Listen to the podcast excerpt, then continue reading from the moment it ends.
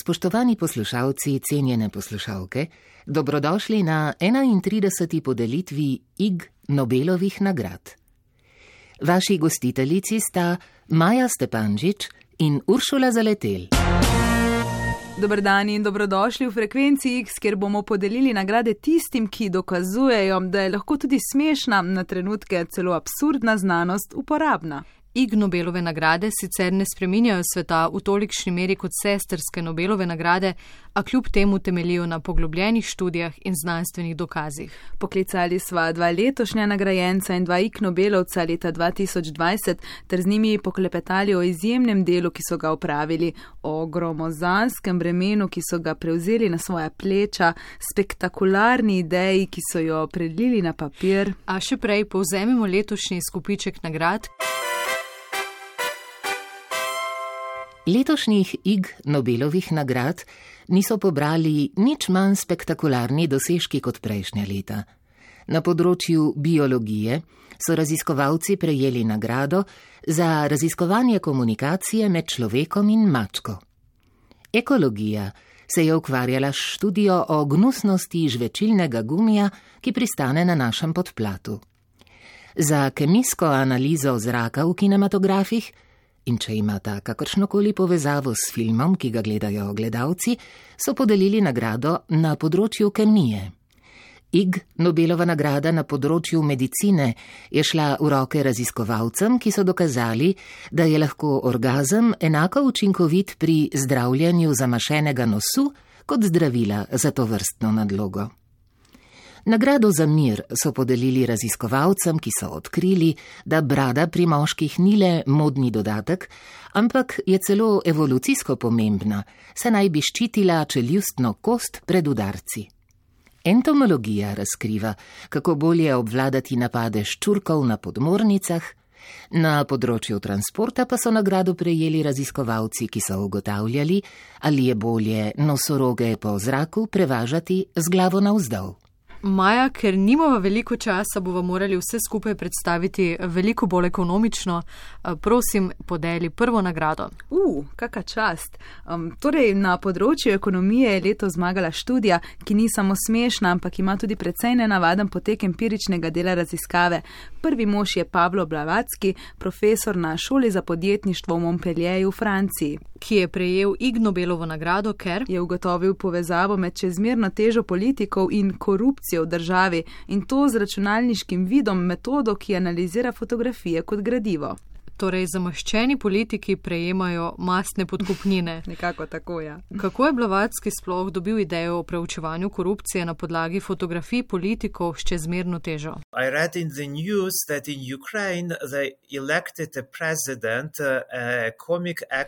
V časopisu sem prebral, da so v Ukrajini izvolili predsednika, komičnega igralca, ki ima zelo malo političnih izkušenj pri vodenju države in edini razlog, da so ga izvolili, je bil, da je v televizijski seriji igral vlogo predsednika, ki se bori proti korupciji.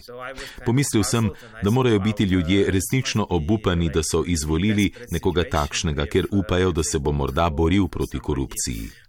Sicer navadno ne raziskujem korupcije, sem pa iz radovednosti začel pregledovati literaturo in opazil, da je težava v tem, da je korupcija težko izmerljiva. Ni veliko metodologij, kako objektivno izmeriti stopnjo korupcije, in tako sem pomislil, da bi lahko kaj storil glede tega. V zbrani literaturi sem prebral, da je ena oblika korupcije tudi to, da politikom ponudiš razkošno pogostitev z veliko hrane in pijače. Menda jim je to še posebej všeč, ker tu ne gre za nekakršne transakcije in je tako nemogoče dokazati, da so kaj prejeli. Seveda sem pomislil, da če politiki veliko pijejo in jedo, potem mogoče tvegajo, da se bodo zredili. In tako se je rodil projekt.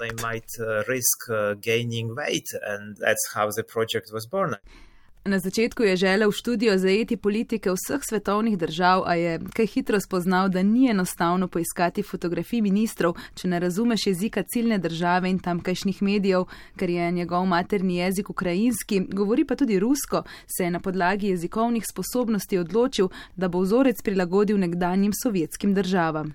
Pavlo je leta 2017 preučeval 299 fotografij obrazov vseh ministrov v 15 nekdanjih sovjetskih državah.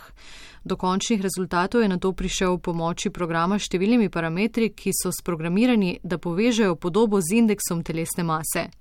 Za vsako fotografijo je tako dobil določeno številko in ta je bila dokaz, da so predvidevanja zelo povezana z visoko stopnjo korupcije. It's, well, it's not about individual politicians, so it's not true that if somebody is just fat, uh, he must be corrupt. It's, tu uh, ne gre za individualnega politika, saj ne velja, da če ima nekdo čezmerno težo, je tudi skorumpiran. Gre predvsem za povprečje. V raziskavo sem vključil celoten kabinet ministrov določenih držav in če je medijana politik s čezmerno težo, je to dober pokazatelj, da je država bolj skorumpirana. V povprečju čezmerna teža politikov dokazuje visoko stopnjo korupcije, bolj vitki ministri pa so po večini v državah, ki jih dojemamo, za manj koruptivne. Morda bi pomislili, da v državah, v katerih so politiki s čezmerno težo, živi populacija s čezmerno težo, zato naj bi izvolili takšne politike. Tudi to sem preveril in ugotovil, da tu ne gre za pravo povezavo. Smešno je, da politike s čezmerno težo izvolijo bolj vitki voljivci in nasprotno. Vitkejše voditelje izvolijo voljivci z več kilogrami od povprečja.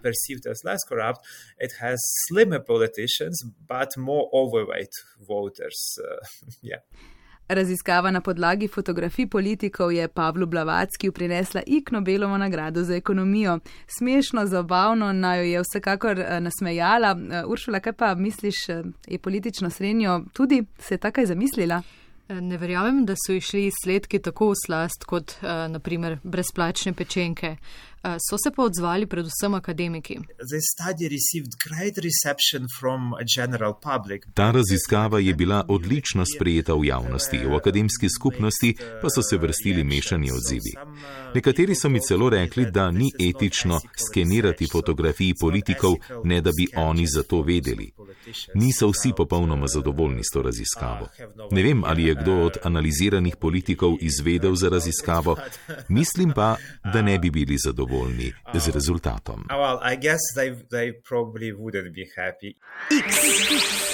Še vedno poslušate frekvenco X, v kateri klepetamo z izbranimi gosti prestižnih Hik Nobelovih nagrad leta 2021 in 2020. Med nagrajenci za področje fizike sta Alessandro Corbeta in Federico Toski z Tehnične univerze v Eindhovenu na nizozemskem. Z ekipo sta Pikolovsko in striktno komisijo prepričala študijo, ki je tebi uršula zaletel pisana na kožo.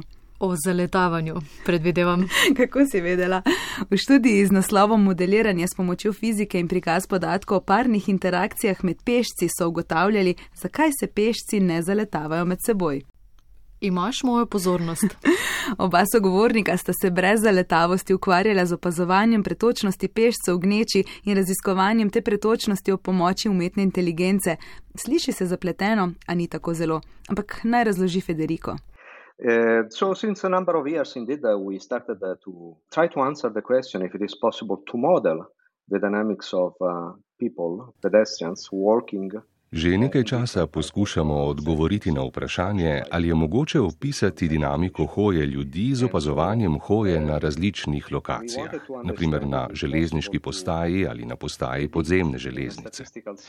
Želeli smo razumeti, ali je mogoče v statističnem smislu predvideti vedenje posameznika v množici oziroma gneči.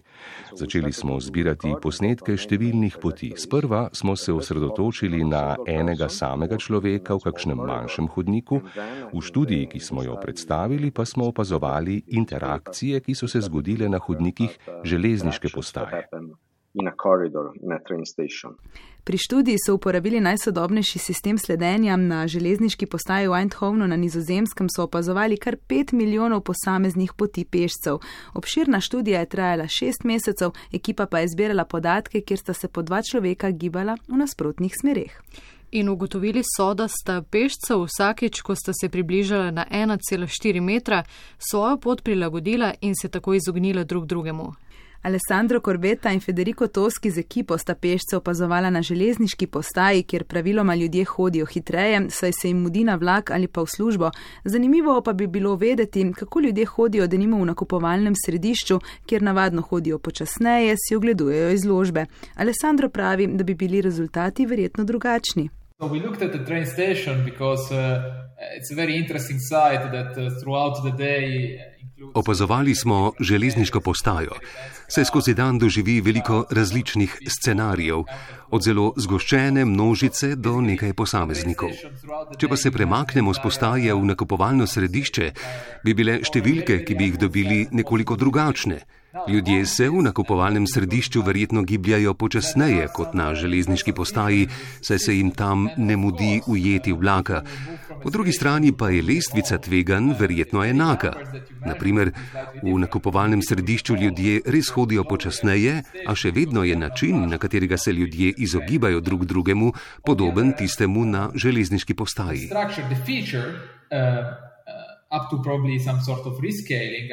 The same. Študija izogibanja trkom ni le smešne narave, ampak ima očitno tudi uporabno vrednost. Seveda, gotovitev, da sprehajalci spontano spremenijo smer hoje, ko se jim drugi približa, je pomembna pri nadaljem načrtovanju javnih poti in objektov, se bi lahko posledično osnovali ustreznejše in bolj varne prehode in območja za pešce. In ključno vlogo pri tem igra ravno raziskovanje, ki ga že nekaj let opravljata Alessandro in Federico, vse spoštovanjem zasebnosti posameznikov, tu ni etičnih dilem. Uh, indeed we do observe uh, with very high accuracy and uh, with techniques that are fully privacy respectful Ljudi opazujemo z veliko natančnostjo in tehnikami, ki spoštujejo zasebnost. Nas zanimajo le položaj, hitrost in pot posameznika, pa razlog, zakaj se vedajo kot se. Tu ni samo fizika, veliko je dejavnikov, tudi psihološki. Pri tej raziskavi je šlo za kvantitativni model, vzorčenje, opazovanje, sledil je eksperimentalni del, vse skozi pa sodelujemo tudi s kolegi strokovnjaki na področju psihologije collaborate also with colleagues that are expert in psychology. In prav psihologija nas zanima v nadaljevanju.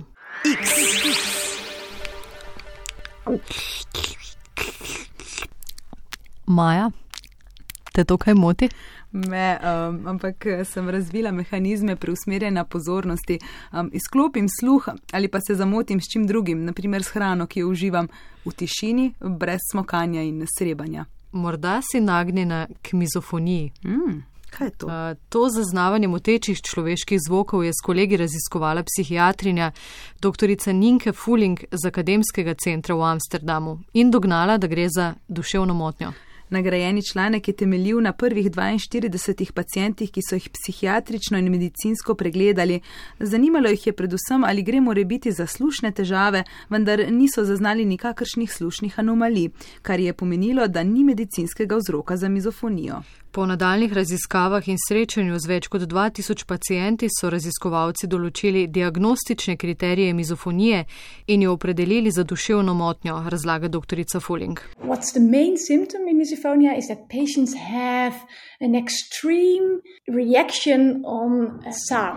Glavni simptom mizofonije je močan ekstremen odziv na zvoke, predvsem tiste, ki jih proizvajajo ljudje. Ko pacijenti slišijo, da nimo žvečenje, dihanje, cmokanje in podobno, v sebi začutijo intenzivno vznemirjenje in jezo. Pogosto jih popade želja, da bi tistega, ki oddaja zvoke, kar napadli. To je glavni simptom, ki se razvije že zelo zgodaj. Otroci med 8 in 10 letom že poročajo o teh simptomih, ki jih ohromijo, saj se v družinskem okolju, na primer, več ne morejo istočasno prehranjevati z družino.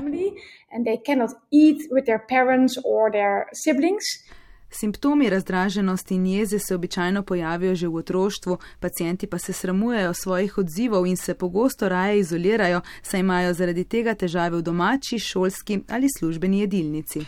Še vedno pa ni povsem jasno, ali je mizofonija vzrok oziroma posledica duševnih motenj up till now, we don't know. That's the most honest answer. Ne vemo. To je najbolj iskren odgovor. Mislimo pa, da ima tudi mizofonija, kot preostale duševne motnje, veliko različnih vzrokov. Nekaj dokazov kaže na to, da je gensko pogojena. Pacijenti z mizofonijo imajo večje možnosti, da niso edini s temi simptomi v družini. Tudi zato smo začeli genske analize, vendar še nimamo rezultatov.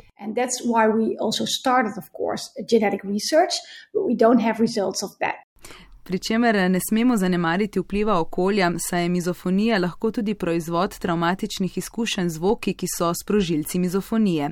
Dobra novica pa je, da je tudi to zdravljivo oziroma se da nadzorovati. Psihiatrinja Ninke Fuling že razvija terapije za pacijente, ki so občutljivi na človeške zvoke, smokanja, živečenja, srebanja, celo glasnega dihanja. It's a combination of techniques, and I think it's. Gre za kombinacijo različnih tehnik, ki temelijo na širši kognitivni vedenski terapiji. Izvajamo vaje sproščanja, utrjujemo hiperfokus, torej močno osredotočenost in manipulacijo sprožilcev mizofonije. Zelo je pomembno tudi, da ponujamo skupinske terapije, saj so pacijenti po tolikih letih izolacije veseli, da spoznajo sebi enake. Tako si lahko pomagajo, mi pa jim naložimo različne vaje, ki jih morajo izvajati doma v družinskem okolju, saj se simptomi pojavljajo predvsem z družinskimi člani. Ko neznanci proizvajajo take zvoke, so simptomi namreč veliko blažji. So when strangers are making these trigger sounds, the symptoms are much less. Z nagrajenci letošnjih in lanskih Ig Nobelovih nagrad govorimo o tokratni frekvenci X. Po cmokanju, takem, ki sproža mizofonijo, bomo v nadaljevanju govorili o še enem cmokanju, takem, ki običajno sproža prav nasprotna občutja, ugodja. Za raziskavo korelacije med nacionalno dohodkovno neenakostjo in pogostostjo poljubljena na usta so strogi člani komisije lani podelili Ig Nobelovo nagrado za ekonomijo. V ekipi je bil tudi dr. Christopher Watkins, še en psiholog z Univerze Abertej na Škotskem. Izhajali so iz preteklih raziskav o poljubljanju in zvestobi in postavili hipotezo, da je zvestoba še posebej cenjena oziroma pomembna v okolju, ki je neizprosno, kjer so teže življenjske razmere. Zanimalo jih je torej, ali se ljudje v takih državah pogosteje poljubljajo.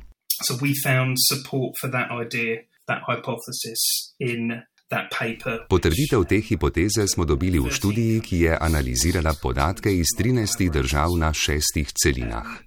Pokazali smo povezavo med nacionalno dohodkovno neenakostjo in pogostostjo francoskega poljubljanja. Ugotovili smo tudi, da ljudje bolj cenijo poljubljanje v poznejših obdobjih romantičnega razmerja kot na začetku. V teh različnih državah je torej poljub znak utrditve zveze in zvestobe. In pair bonds, romantic relationships, committed romantic relationships. Ljudje v državah, kjer je dohodkovna neenakost visoka, so poročali, da partnerja pogosteje poljubijo z jezikom in to v celotnem obdobju njihove zveze. Poljubljanje seveda ni univerzalno, poljublja se približno polovica znanih kultur, zato je raziskava dr. Watkinsa temeljila na 13 državah, kjer je to običajna praksa v romantičnih zvezah. Pogostost poljubljanja je odvisna, tako priča nagrajena študija, od dohodkovne neenakosti države, v kateri živijo partnerji v romantični zvezi.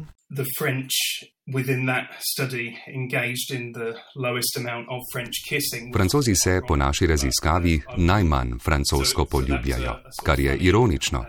To je bil zabaven razplet študije, a smo imeli vire za analizo v le 13 državah. Torej je verjetnost, da se kje drugje poljubljajo še manj kot francozi.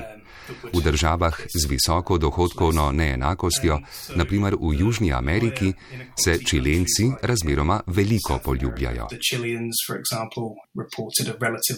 Um, high degree of kissing. S poljubom končujemo frekvenco X o smešnih, a vendar poučnih Iknobelovih nagradah letos že 31 po vrsti. Kot poudarjajo najni sogovorniki, lahko njihove študije podprejo in spodbudijo nadaljne raziskovanje. Celo francosko poljubljanje, ki očitno ni ravno znak francozov, je odraz družbe in kulture, v kateri živimo. Anything that can add to our understanding of how Karkoli, kar lahko pripomore k našemu razumevanju, kakšen je vpliv okolja in kulture na naše izražanje v romantičnih razmerjih, je pomembno. Pomaga nam lahko razumeti, kaj nas druži, pa tudi kako se razlikujemo v vedenju in izbirah v romantičnem kontekstu. Hvala, da ste v kontekstu oddaje o znanosti frekvence X ostali z nami vse do konca podelitev Ig Nobelovih nagrad leta 2021 in 2020. Z novimi smešnim, absurdnimi in navides nemogočimi raziskavami se v novič oglasimo prihodnje leto. Iz zabavnih in smešnih poskusov se kdaj, kot pri raziskavah Ig Nobelovih nagrajencev, rodi kaj zanimivega. Naprimer, oddaja, ki ste jo pravkar slišali ki je prejel Ig Nobelovo nagrado, ker je ugotovil povezavo med čezmerno težo politik politikov. Espanjolno. politikov. Eh, ne verjamem, da so išli sledski, sledski, blavatski. Čakaj, blavatski. Če grem še enkrat. Te besede so kar težke. Kljub temu, da je Ignobelova nagrada. Abertej. Abertej, po mojem. Abertej. Abertej. A kaj imaš, kaj Abertej? Ne vem, Abertej. To je, to je trajalo sto let. Adijo. Čau, čau.